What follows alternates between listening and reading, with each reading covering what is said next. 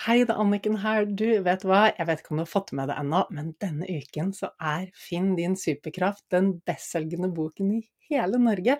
Altså, den ligger som nummer én på boklista, som er listen som eh, registrerer alle boksalg i hele Norge, i alle bokbutikkene. Altså, er ikke det gøy? Og jeg har svevd hele uken og varslet et sånn klyp meg i armen Altså, drømmer kan bli virkelig, du, når du bare jobber for dem og går for dem. Og jeg vet jo også at dette eventyret hadde ikke vært mulig uten deg. Din støtte har jo gjort at dette har vært mulig å få til.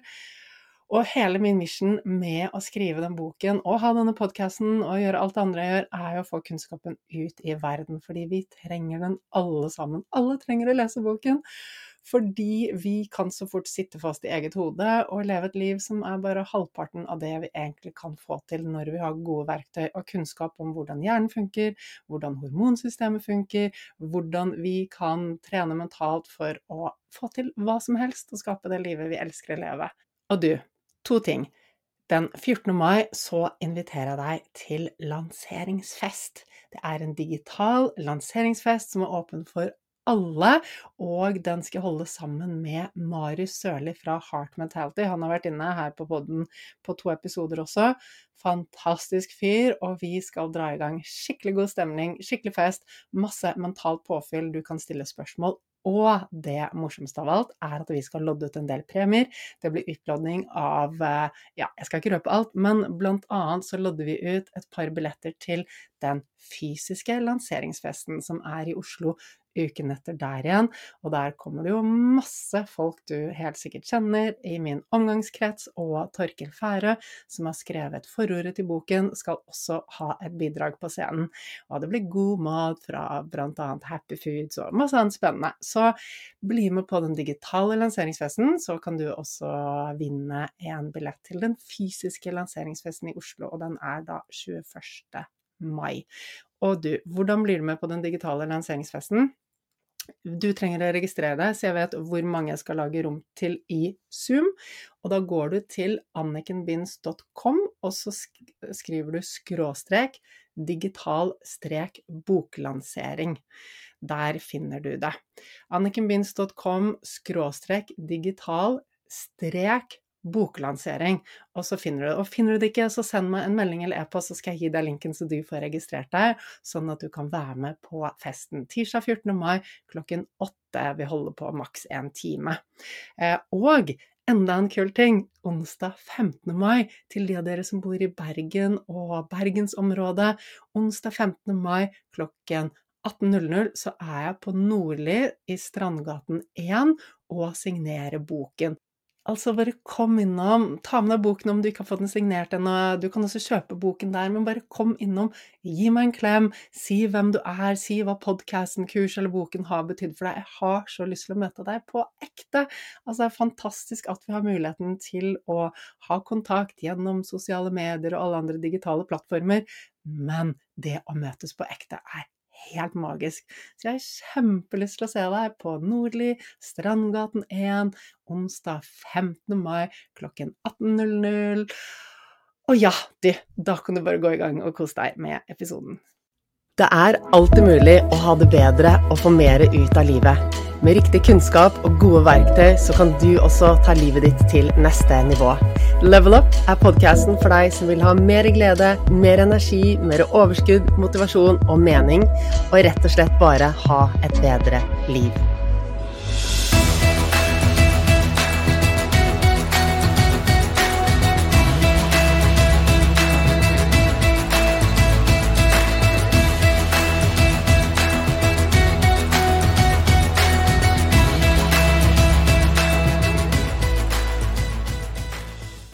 Har du kjent på den følelsen når du går inn i en situasjon som du ikke er forberedt på, men du vet du kunne vært forberedt. Du vet du kunne fått mer ut av det, du vet du kunne taklet det bedre hvis du bare hadde gjort litt forarbeidet.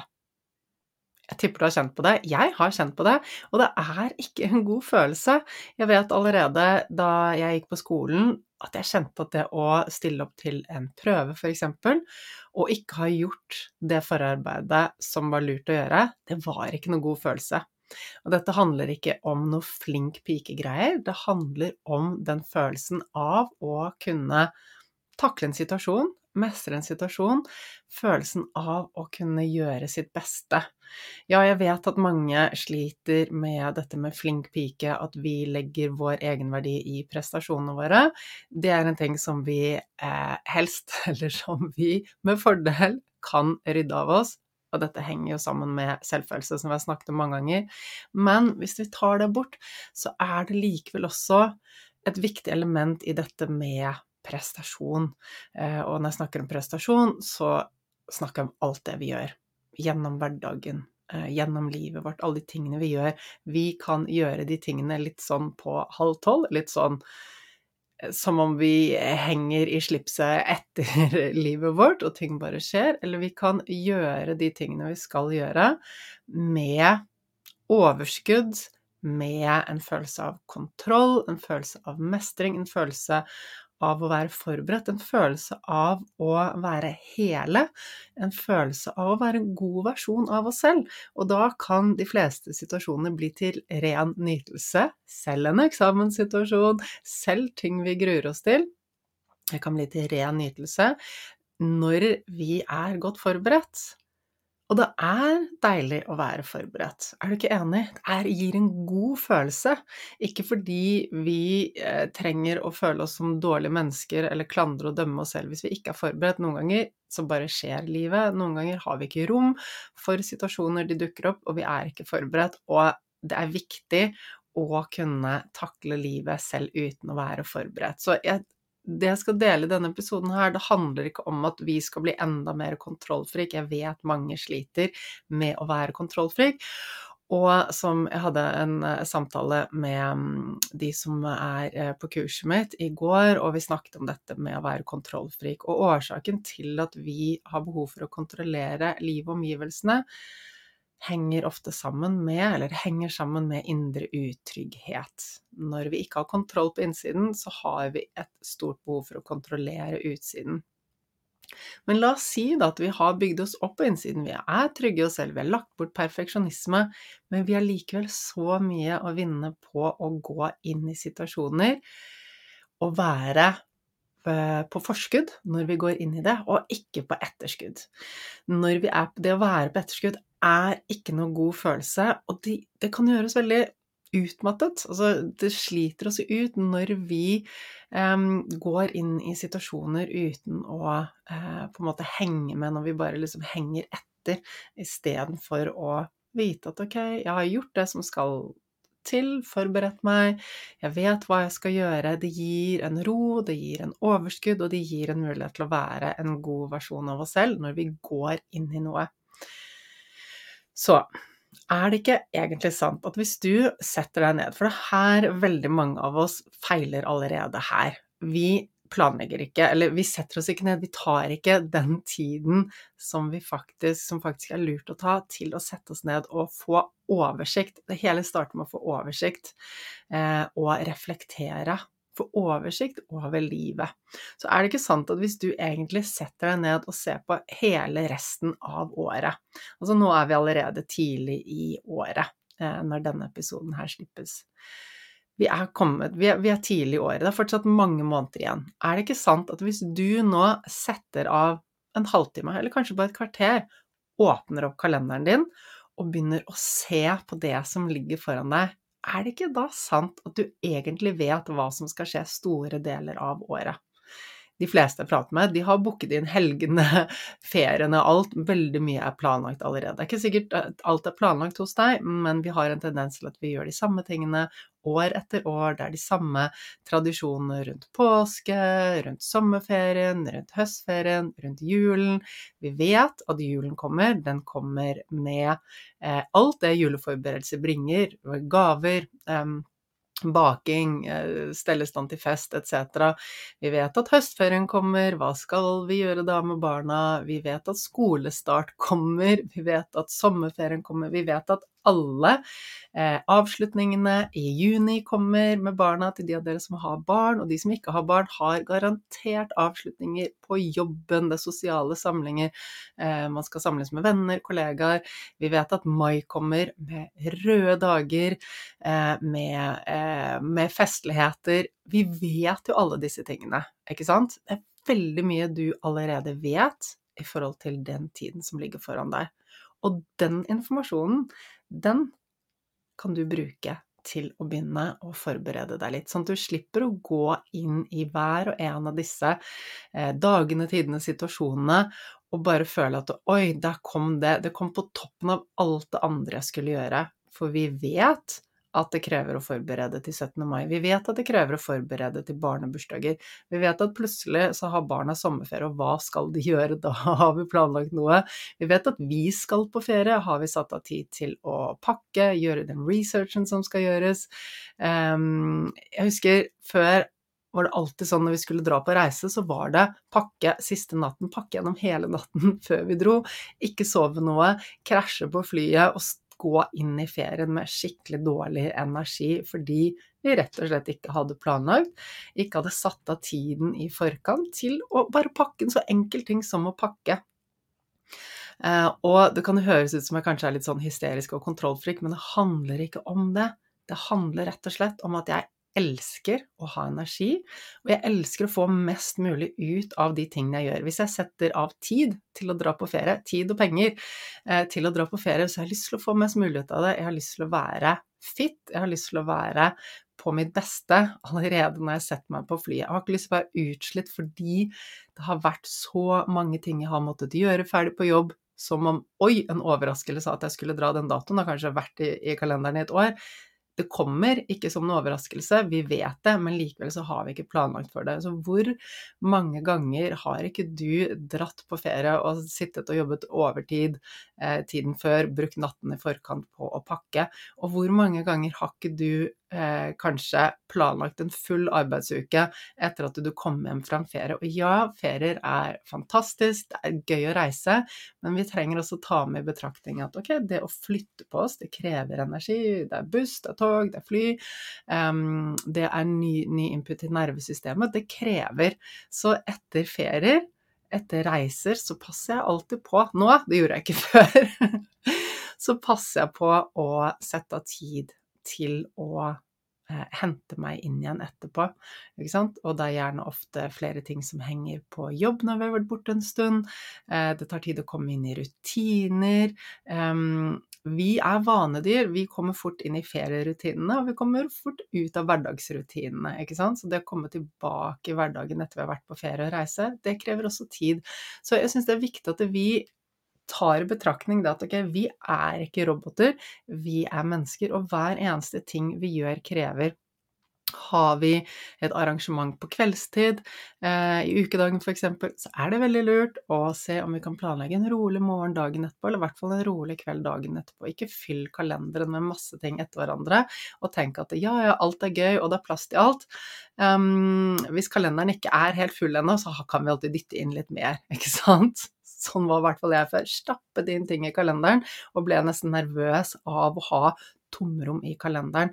Nå er det helt motsatt. Nå vet jeg at jeg trenger tomrom. Jeg trenger masse tid til å bare ikke ha noe jeg må rekke tid jeg kan bruke på hva som helst. Og jeg vet at etter hver aktivitet som er litt sånn ekstraordinær, eh, mer enn det jeg gjør i hverdagen, så vet jeg at jeg trenger tilsvarende tid med å koble av, hvile, hente meg etterpå. Og dette her er viktig. Eh, ja, da jeg var 20 år, så kunne jeg feste hele natten og så være helt hele dagen. Det kan jeg ikke lenger, og det kan helt sikkert ikke du heller. Eh, og uansett om du kanskje tror du kan det, så vil det føre til at du brenner lyset i begge ender. Og jeg vet at veldig mange elsker det å gjøre, det gir dopamin, det gir dem følelsen av å være i gang, vi går på adrenalin. Men det er ikke en bærekraftig måte å leve på. Og mye av det kommer rett og slett ned til planlegging. Så hvis du nå setter deg ned, så la oss si at du tar et kvarter og ser på resten av året, alle de tingene du vet du skal gjøre, har du satt av tid i forkant og etterkant til å gjøre de forberedelsene som kreves, som handler om kanskje om å gjøre ferdig jobb før du skal reise på noe, eh, bake kaker til en bursdagsfeiring, eh, eller pakke, eh, gå til innkjøp av utstyr før du skal på en tur. Alle disse tingene. Små ting, men som alt krever energi og kapasitet. Jeg har jo tidligere delt med deg at jeg for nesten et år siden var i Sverige eh, hos Cecilia Fürst, en lege, for å gjøre masse tester for å optimalisere helsen min. Og jeg har også delt at jeg brukte over et halvt år på å komme i gang med den kostholdsplanen som jeg hadde fått, og ta de kosttilskuddene jeg skulle ta. Fordi endring krever. Det å gjøre nye ting krever. Det krever ekstra kapasitet, og vi er nødt til å vite at vi har rom for det i kalenderen. Og det er forventa at vi kan bare putte en ekstra aktivitet inn i en allerede full kalender. Har vi jobb, er vi jobb, har vi barn, um, og alt annet som livet byr på, så må vi også huske på at hvis vi skal legge til noe nytt, om det er en ny livsstilsendring, en nytt prosjekt eller en reise eller hva det er, selv om det er positivt og bra, så trenger vi også tenke på at ja, men jeg trenger den ekstra tiden og overskuddet for å lese den boken, sette meg inn i den greia, eh, gjøre det som skal til, og for hvis ikke så blir det noe som fort kan brenne oss ut når det blir ekstra ting vi legger på denne to do-listen og forventningslisten, som bare fører til stress. Altså, jeg har blitt så allergisk mot stress de siste årene. Jeg orker ikke være i en konstant jagemodus, en konstant to do-modus. Jeg må, må kjenne på at jeg har masse altså tid og rom til å gjøre ingenting. Tid og rom hvor jeg vet at jeg ikke må huske på å gjøre noe. Og i et liv med små barn, det vet du også helt sikkert hvis du har barn, så er det ikke så mange pauser. Det er hele tiden noen som skal ha mat, det er noen som skal ryddes, og det er desto viktigere at vi skaper det rommet.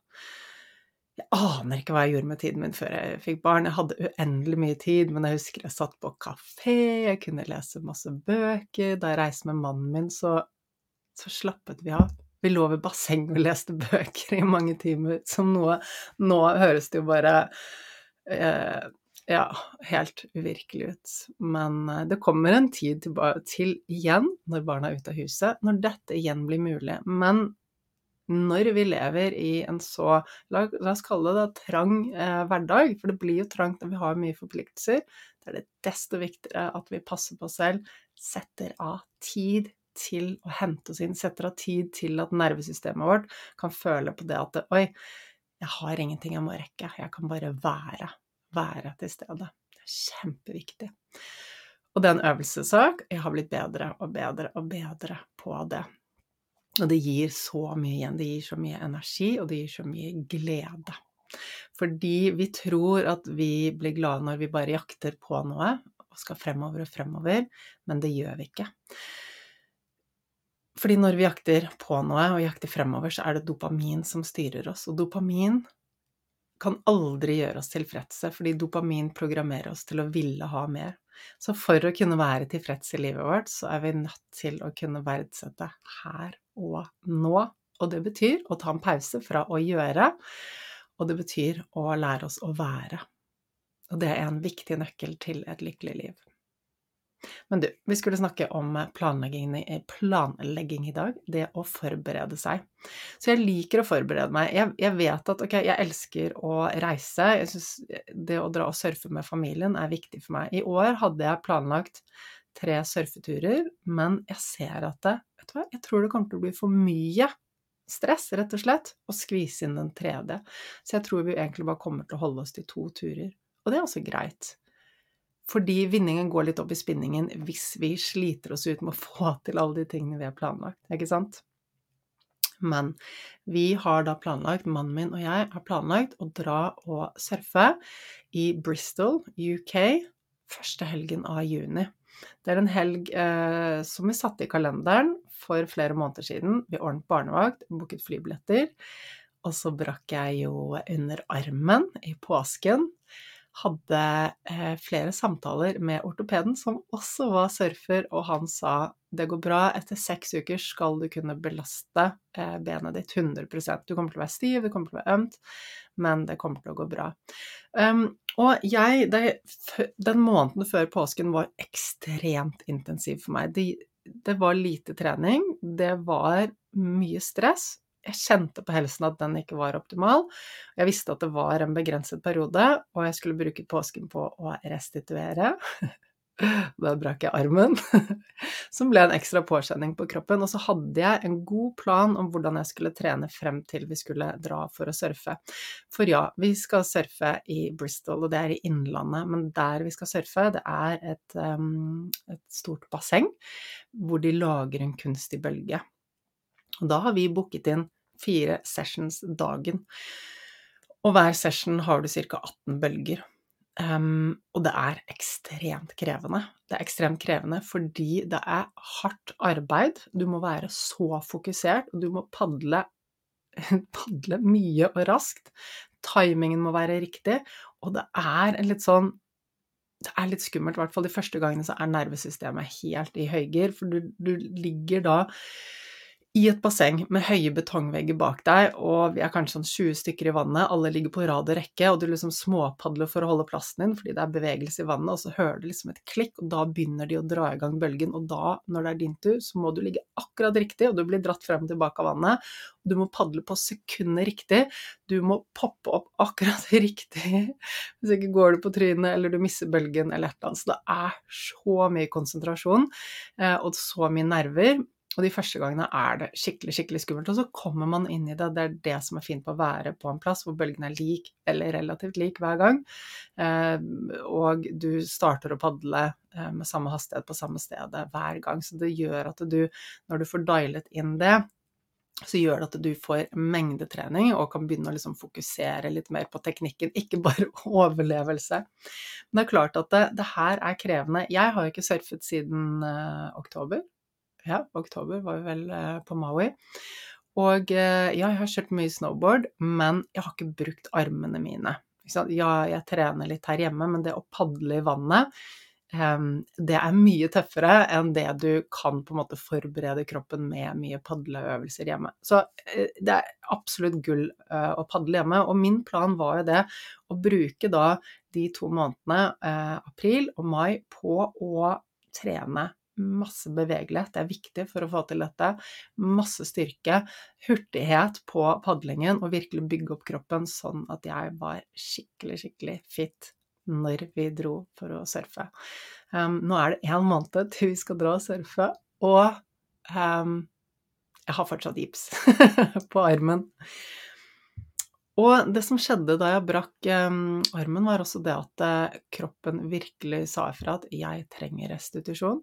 Eh, jeg sover dårlig på natten, det vet jeg fordi jeg måler det med pulsmåleren min, så jeg har sett at jeg har hatt masse stress på natten, som jeg regner med er en kombinasjon av smerte, det når jeg flytter på meg, så er det ubehagelig, eh, og, og rett og slett det at kroppen jobber med å dempe, dempe inflammasjon, eh, jobber med å reparere vevet eh, og rett og slett bygge opp, bygge opp skjelettet igjen. Og det krever jo, så jeg har hatt et enormt behov for å hvile. Jeg har gått tom så plutselig. Um, søvnkvaliteten har vært dårlig. Um, det har vært mye ustabilitet i nervesystemet. Men nå endelig, etter nesten fire uker, så ser jeg fra målingene på pulsklokken min at kroppen er i ro på natten. Eh, jeg har en balansert eh, pulsvariasjon. Um, som vil si at nervesystemet er på et bra sted, at jeg ikke har dette indre stresset. Og jeg hadde ikke noe indre stress pga. jobb eller andre ting. Jeg var helt rolig. Det kunne være kvelder hvor jeg bare gjorde alt riktig. Jeg la meg tidlig, var helt i ro, ikke noe sterkt lys, ikke noe skjerm, ikke noe jobbstress. Alt var ro og harmoni. Likevel så var kroppen i fullt stress gjennom natten. Så det eneste jeg kan tenke, er at ok, det, det må ha vært den armen som har skapt det. Og nå ser det ut som det er en bedring der. Så har de siste tre nettene vært helt fullstendig i ro, med kjempebra søvnpoengsum, god lading av det som heter body battery. Ehm, jeg skal dele mer om, eh, om dette med eh, pulsmålere eh, og pulsvariasjon. Vi skal få besøk av Torkil Færø, som er som har skrevet Pulskuren, og, og, skal dele mer om akkurat dette med pulsmålere. Ehm, jeg vil bare si at for meg så er det et fantastisk verktøy som gir meg innsikt i min egen helse, og som gjør at jeg mye lettere kan vite hva jeg trenger. For min plan var jo å bruke da to måneder på å virkelig ikke drive med hardtrening, men eh, litt mer aktiv trening enn det jeg kan nå. Min strategi er å gjøre litt hver dag. For jeg kan ikke sette av to timer hver dag til å trene, da får jeg ikke gjort så mye jobb. Uh, og ja, familie, eh, barn, alle de andre prosjektene i livet. Så jeg får ikke satt av det. Jeg kan kanskje sette av en halvtime til en time eh, de fleste dagene. Og det gjør jeg, og det er en prioritet. Eh, jeg prioriterer å gjøre det fordi det er viktig for meg. Og når jeg trener, så er det ikke nødvendigvis bare hardtrening. Jeg bruker mye tid på å trene opp kjernen, dype kjernemusklene. Jeg bruker tid på å jobbe med mobilitet. Uten mobilitet så fungerer ikke kroppen optimalt, da klarer vi ikke å overføre eh, kreftene, da begynner vi å feilkompensere, og det, dette er kjernen også viktig for at vi skal kunne bruke kreftene og bruke kroppen på en optimal måte. Så det gjør jeg. Jeg gjør mye yoga. Jeg gjør yoga eh, nesten hver eneste dag. Eh, og så gjør jeg spesifikke øvelser for eh, padlestyrke, for hurtighet, rygg, skuldre, armer. Det har vært litt begrenset med eh, armtreningen nå, men jeg har funnet mange måter å gjøre øvelser på som jeg likevel kan trene armer, skulder og rygg på. Eh, bare ikke akkurat det å um, forberede meg på det som er. Nå er du, vet du kanskje ikke noe særlig om surfing og kanskje null interessert i det, det forstår jeg. Jeg var ingenting interessert i det før jeg begynte å surfe. Jeg var så minusinteressert at jeg tenkte herregud, skjønner hvorfor folk gidder å holde på med det. Jeg syns ikke det så gøy ut i det hele tatt. Um, helt til jeg prøvde det. Jeg, ikke, jeg har aldri syntes det har vært gøy å se på sport. Jeg er null interessert i idrett eller sport, men jeg syns det er gøy å gjøre ting selv. Så har jeg full forståelse hvis du syns uh, surfing er totalt uinteressant, men hvis du har gjort litt yoga, så vet du kanskje at når man gjør solhilsen, så går du inn i en slags sånn upward dog. Du, en, du går fra planke, du har hendene i gulvet, eh, litt sånn fra planke, og så løfter du brystet opp. Det er øvelser jeg vanligvis gjør hver dag, og det er Eh, ikke helt det samme, men det ligner litt på det vi gjør når vi popper opp eh, på, når vi surfer. Når du surfer, så ligger du på magen, og du padler så hardt og så fort du kan. Og når du kjenner at bølgen begynner å skyve deg fremover, så skal du være superkjapp. Plante hendene i brettet ved siden av brystet. Skyve deg opp og hoppe bena frem. Og det er mye jeg begynner å bli god på innen surfingen, men min pop-up, som er det vi kaller det, den har forbedringspotensial, for å si det på en pen måte. Um, den er ikke helt der hvor jeg vil den skal være, men det er litt sånn ok, jeg kan ikke jeg kan ikke fikse alt samtidig. Du kan ikke fikse alt samtidig. Det er viktig å velge ut hva er det jeg har fokus på å jobbe med. Uh, og de siste gangene jeg har vært og surfet, da jeg var på Maui i høst, så var mitt fokus på å bli mer venn med å være ute med store bølger større og brattere bølger. Og da, ja, jeg er rask når jeg popper opp, men teknikken er ikke så veldig god. Jeg gjør det ikke på den måten jeg har lyst til å gjøre det på. Men jeg bestemte meg for at da jeg var der og surfet, så skulle jeg ikke bruke tiden min på å eh, øve meg på to ting samtidig. Både det å liksom bli mer komfortabel i større og brattere bølger, og eh, trene teknikk på pop-upen. Da var jeg sånn ok, Pop-upen er rask, jeg kommer meg opp, stabil, men den kan være 100 ganger bedre. Men det får jeg la ligge nå. Som, eh, så fokuserte jeg på de andre tingene. Fordi hvis vi prøver å fokusere på to ting samtidig, så blir resultatet gjerne at vi ikke får til så mye. Og det her er noe som er viktig at du tar med deg inn i livet ditt. Hvor mange ting skal du forsøke å få til endring på samtidig? Jeg anbefaler å velge ut én ting hvis ikke vanner du ut fokuset ditt, energien din, konsentrasjonen din, um, og resultatet blir at vi ikke får til noe. Og så blir vi misfornøyde, for vi klarer ikke følge opp det arbeidet. Så trikset med å få til, få gode resultater, få til vaneendring, bli bedre i noe, er å ha fokus på kun den ene tingen. Kanskje du har kapasitet til noe mer, men kjenn etter. Vær realistisk. De fleste av oss lever i en veldig busy hverdag som er fullstappet med ting. Vær realistisk på hva du kan få inn. Ta en titt på kalenderen din. Tenk på kapasiteten din. Hvis du har en hverdag som allerede er full fra morgen til kveld, men så vil du gjerne bli bedre form, du vil eh, lære deg eh, Du vil endre kostholdet ditt, du vil lære deg kanskje å ta bilder, melde deg på et kurs og bli en bedre fotograf, for å nevne et eksempel. Hvis du skal putte mer ting inn, da er du nødt til å ta noe ut fra dette tidsregnskapet ditt. Hvis ikke så er resultatet at du blir veldig frustrert med deg selv og får ikke til det du ønsker å gjøre. Og hvis du er så hard i hodet at du pusher på og likevel skal gjennomføre det, så er gjerne resultatet at man på sikt brenner seg ut.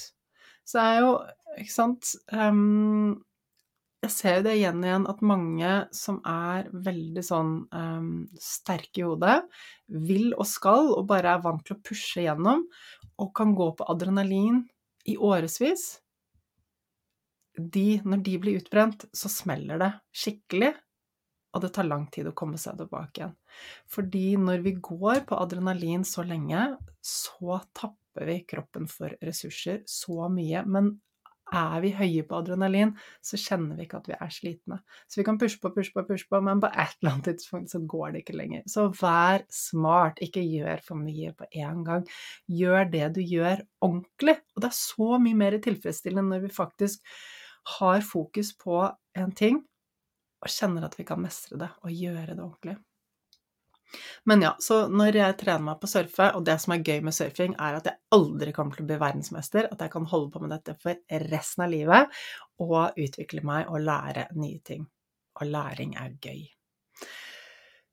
Så jeg har ikke hatt fokus på pop-upen. Men planen min nå var jo å bruke eh, denne langhelgen i Bristol på å nettopp trene pop-upen, og min plan var nå å trene jevnlig. Kanskje ikke hver dag, for det er litt optimistisk, eh, men å gjøre øvelser, rett og slett få tørrtrene pop-upen på matten hjemme før jeg dro, sånn at den sitter mye bedre. Gyllen sjanse. Jeg har satt av tid, energi, eh, fokus og kapasitet til å komme dit. Men nå er det sånn at jeg har en gips på underarmen over håndleddet. Jeg kan faktisk ikke gjøre en pop-up. Så hva gjør jeg da? Jo, jeg fokuserer på det jeg kan få til, for det er fortsatt masse jeg kan få til. Det er mange øvelser jeg kan gjøre som fortsatt bygger styrke i rygg, skulder, overarm. Jeg kan jobbe med mobilitet, bevegelighet, hurtighet. Det er mye og balanse. Eh, og dette med balanse, det har jeg ikke altfor mye fokus på nå, for jeg har kjørt brett i hele vinter. Så jeg vet at da har jeg fått inn veldig mye. Balansen er veldig god, og, eh, og vi får også båt på vannet nå som jeg kan surfe bak, og da blir liksom dette med bredt kontroll og balanse, det blir dialet inn. Men jeg vet at der jeg er svak, er rett og slett på padlingen og på pop-upen. Pop-upen, der trenger jeg å fokusere. Så er det én viktig ting jeg gjør, og dette her kan du ta med deg nå. Fordi når jeg skal gjøre noe, og dette bruker jeg spesielt mye til surfing, men alle andre ting, hvis det er f.eks. snakk om et stort event, et foredrag, ting jeg kanskje gruer meg til, så visualiserer jeg. Og jeg vet det er mange som sier at 'å, men jeg kan ikke visualisere, jeg klarer ikke å se for meg ting'. Men du, hvis du klarer å bekymre deg, så klarer du å visualisere også. For når vi bekymrer oss, så tenker vi på noe som vi er redd for at skal skje. Og da ser vi det for oss, eller vi føler det. Og det å visualisere trenger ikke handle om at ting har et klart bilde, at du har et veldig sånn klart og skarpt bilde foran oss, um, men at vi rett og slett bare føler det, vet det. Det kan være litt sånn uskarpe bilder. Um, og ved trening så kan det også bli bedre på å visualisere. Så ikke forvent at ting skal være skarpt og klart. Men hvis du har muligheten, evnen til å bekymre deg, så vet jeg også at du kan visualisere. For du kan tenke på det som kanskje det farlige, dumme, skumle eh, som kanskje kan skje, da kan du også tenke på det bra, gode som også kan skje. Det er to sider av samme sak. ikke sant? Frykt og bekymring, det handler om at vi tenker frem i tid på noe som ikke er så veldig hyggelig, og den evnen vi har til å tenke på det som ikke er hyggelig, og det vi er redd for, den kan vi også bruke til å tenke på det som er hyggelig, eller til å forberede oss på å takle situasjoner mye bedre. Jeg bruker visualisering for å forberede meg til ting, og det har vært et av de viktigste verktøyene jeg har brukt i forhold til å lære å surfe. Jeg bor i Oslo. Det er ikke så mange surfemuligheter her. Jeg har en krevende jobb, jeg har to barn, jeg kan ikke bare stikke og surfe. Likevel har jeg hatt en fantastisk progresjon. Og det handler om at jeg surfer inni hodet mitt. Jeg visualiserer inni hodet mitt. Og det er masse forskning på dette med visualisering, hvordan det å bare forestille oss at vi gjør noe, at det aktiverer de samme nervebanene i hodet, sånn at vi ved å gjentatte ganger se for oss at vi gjør noe, forbedrer teknikk, at vi forbereder oss um, sånn at når vi kommer i en situasjon, så kjennes det ut som det er noe som vi har gjort før, vi har mer overskudd, det kjennes tryggere ut. Husk at hjernen din liker ikke ting som er nytt, nye, ukjente situasjoner. Så hvis du skal gjøre et eller annet som du kanskje tenker er litt skummelt, kanskje holde et foredrag i et bryllup eller en presentasjon på jobben, jobbintervju, et eller annet, så kan du i tiden frem til det visualisere at du er på det stedet, at du gjør de tingene du skal gjøre, sier det du skal gjøre, kjenner på den følelsen du vil ha. Du kan rett og slett programmere deg til å um, til å ha en tilstand, til å ha et fokus når du er og gjør det du skal gjøre. Og det som er lurt, er å hente inn mest mulig eh, informasjon fra, fra, dette stedet. Kanskje, la oss si at eh, du skal holde et foredrag, da. Har du vært der før? Eh, da er det lett å se det for deg. Har du ikke vært der før, kanskje du kan finne bilder av det. Kanskje du kan finne video at noen andre er der og holder et foredrag der. Kanskje du kan snakke med folk som har vært der. Skaff mest mulig informasjon, sånn at du kan se det for deg inni hodet. Fordi hjernen vår er redd for alt som er nytt og ukjent. Men hvis du og jeg anbefaler å gjøre dette i tre uker før du skal gjøre noe. Men hvis du har fem dager på deg, så er det også helt fint, ikke sant? Litt er alltid bedre enn ingenting. Og det er ikke noen regel om at det må være så og så mye for å ha resultat. Jo mer vi eh, programmerer inn en tanke eller en følelse, jo sterkere vil den bli. Men alt nytter, og alt funker. Så det eh, jeg gjør, og som jeg anbefaler deg å gjøre, er å rett og slett visualisere. Skaff mest mulig informasjon om det stedet du skal være, sånn at du kan danne klare bilder inni hodet. Tenke på den følelsen du ønsker å ha. Eh, se for deg hvordan du skal gjøre tingene, føle det. Du kan til og med gjøre bevegelser. Du kan lukke øynene og bare gjøre det du skal gjøre, føle det du skal eh, føle. Kan du gjøre det tre uker før du skal gjøre noe? Så kommer du til å stille så forberedt. Og jeg har også nevnt dette før, men dette her brukte jeg veldig mye for å eh, overkomme min skrekk for eh, store bølger. Jeg hadde Jeg gikk i totalt blackout, totalt panikk, var helt svart. Eh, og frøs og hoppet av istedenfor å prøve å padle inn på bølger. Eller begynte å padle, og så bare trakk jeg meg og gikk på trynet og inn i vaskeball og under bølgene og alt det som var. Så jeg hadde bare rett og slett en skikkelig frykt for det. For å overkomme det så visualiserte jeg hver dag i tre uker før jeg skulle dra og surfe. Eh, det var noen år siden hvor vi skulle dra til Hawaii. Og da vi kom dit, så var alt annerledes. Følelsen var annerledes, prestasjonen min var annerledes. Um, jeg fikk det til, jeg var ikke lenger redd, jeg var fokusert, og jeg gjennomførte. Og det var fordi jeg hver dag i de ukene før hadde sett for meg inni hodet hvordan jeg skulle gjøre det, hvordan det skulle føles ut. Og det var programmert inn så godt hos meg at hjernen bare Ja, men dette har jeg gjort før. Dette er ikke noe stress. Og så gjorde den bare det igjen. Og det starter med følelsen at jeg står på stranden, tar det som vi kaller leashen, som er den snoren man har rundt benet, fester den rundt benet, kjenner sand under tærne, kjenner hvordan det er når jeg rusler ut i vannet, legger meg på brettet, hører skvulpingen fra vannet mot brettet, solen, følelsen fra vannet, lukten, alle de tingene. Jo mer du kan ta inn med sansene, jo mer forberedt er du, jo mer virkelig blir det. Og visualisering er et helt fantastisk verktøy. Så ja, for å gjøre en lang historie kort, jeg kan ikke øve meg på en pop-up fysisk, men jeg kan gjøre det inni hodet mitt. Så ja, jeg kan ikke øve meg på en pop-up rent fysisk, men jeg kan gjøre det inni hodet mitt.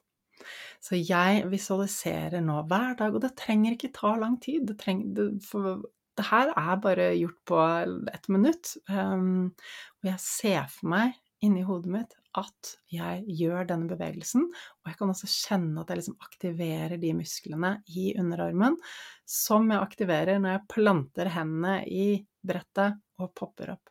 Kjenner det i kroppen, ser det for meg, og skal gjøre det hver dag frem til jeg snart kan begynne å gjøre den øvelsen selv. Det tar litt tid før jeg får tilbake bevegelighet og kan begynne å gjøre den, men da har jeg i hvert fall kommet ganske godt i gang, selv om jeg ikke har muligheten til å fysisk gjøre det. Og uansett hvor vi er i livet, om vi har masse begrensninger, så er det ikke noen begrensninger inni hodet vårt. Vi kan forestille oss hva som helst. Hver eneste dag så har vi muligheten til å ha det gøy inni hodet vårt. Hver eneste dag har vi muligheten til å um, være på eventyr, forberede oss til ting, klare å gjøre de tingene vi kanskje er redd for å gjøre. Og alt starter i hodet vårt. Hvis vi ikke kan se det for oss inni hodet vårt, at vi kan klare det, så kommer vi heller ikke til å klare det i virkeligheten.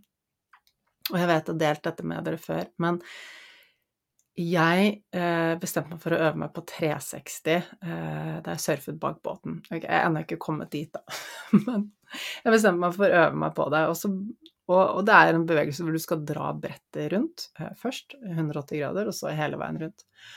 Og jeg tryna og jeg tryna og tryna, og jeg hadde et par ganger liksom i den første som jeg, jeg trente meg på 90 graders bevegelse, og tryna så mange ganger og fikk brett i skinnleggen og fikk um, blåmerke, og det gjorde ganske vondt, og det gjorde at jeg bare uh, Jeg syns det er skummelt, jeg har ikke lyst til dette. Så i hodet mitt så hadde jeg en programmering om at jeg kommer til å tryne uansett. Og det var jeg ikke klar over jeg kjente at jeg var redd for det, ja, og så prøvde jeg å gjøre det, men det ble bare halvhjertet, og jeg tryna hver gang. Eller jeg fikk det ikke til. Og så sto jeg på brettet bak båten og plutselig bare Ok, men hva er det jeg liksom gjør feil, da? Hva er det som er grunnen til at det ikke funker? Og så plutselig så innså jeg, det brøkdelen av sekund før jeg skulle gå inn og gjøre den øvelsen igjen, så innså jeg at ja, men i hodet mitt så har jeg allerede sett at jeg feiler. Og det har jeg sett så mange ganger, og da blir det resultatet. Og da trengte jeg å endre det visuelle inni hodet mitt. Jeg trengte å endre på hvordan ser dette ut inni hodet mitt, hvordan skal det se ut? Og så programmerte jeg det inn, og da fikk jeg til den. Da var det først bare den 90-gradersbevegelsen jeg øver meg på. ikke sant? Det, det, er flere steg av dette med å klare en 360. Først en 90-gradersbevegelse. Så fra å gå og ikke klare det, og til å synes at det er skummelt, så klarte jeg det, og det kjentes helt kontrollerbart og fint ut å gjøre fordi jeg hadde sett det inni hodet mitt hvordan det skulle se ut. Hvordan skal det se ut? Min synsvinkel når jeg står her og gjør det, hvordan skal det se ut? Det jeg hadde sett, var at jeg tryna, og jeg trengte å endre på det visuelle bildet inni hodet mitt til sånn det skal se ut. Og da gikk det jo lett som en plett. Så det vi ser for oss, det dikterer resultatet. Så i hodet ditt så kan du få til hva som helst, du kan drømme om hva som helst.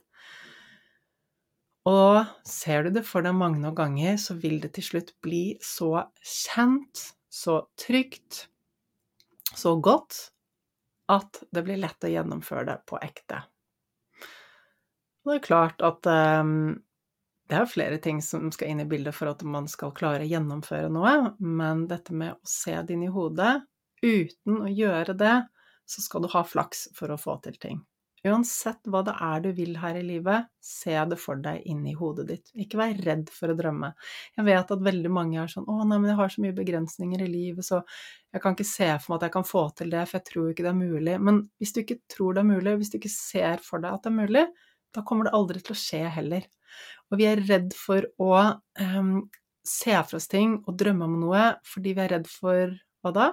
Å bli skuffet hvis det ikke går. Men er det da bedre å ikke drømme og ikke se det for seg, da vil det jo aldri skje. Da lever du i konstant skuffelse versus at du kan leve i glede hver eneste dag fordi du ser det inni hodet ditt, at du klarer det, at du er der, at du gjør det du vil gjøre. Den gleden er tilgjengelig for deg lenge før du i det hele tatt kommer dit.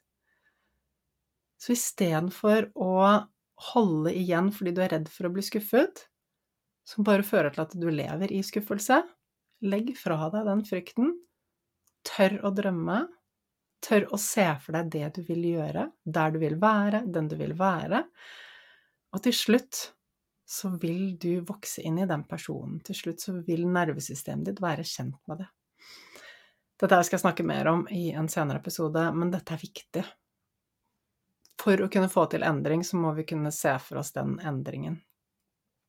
Hvis det eneste vi ser for oss, er begrensningene våre, så kommer vi til å fortsette å være i de begrensningene.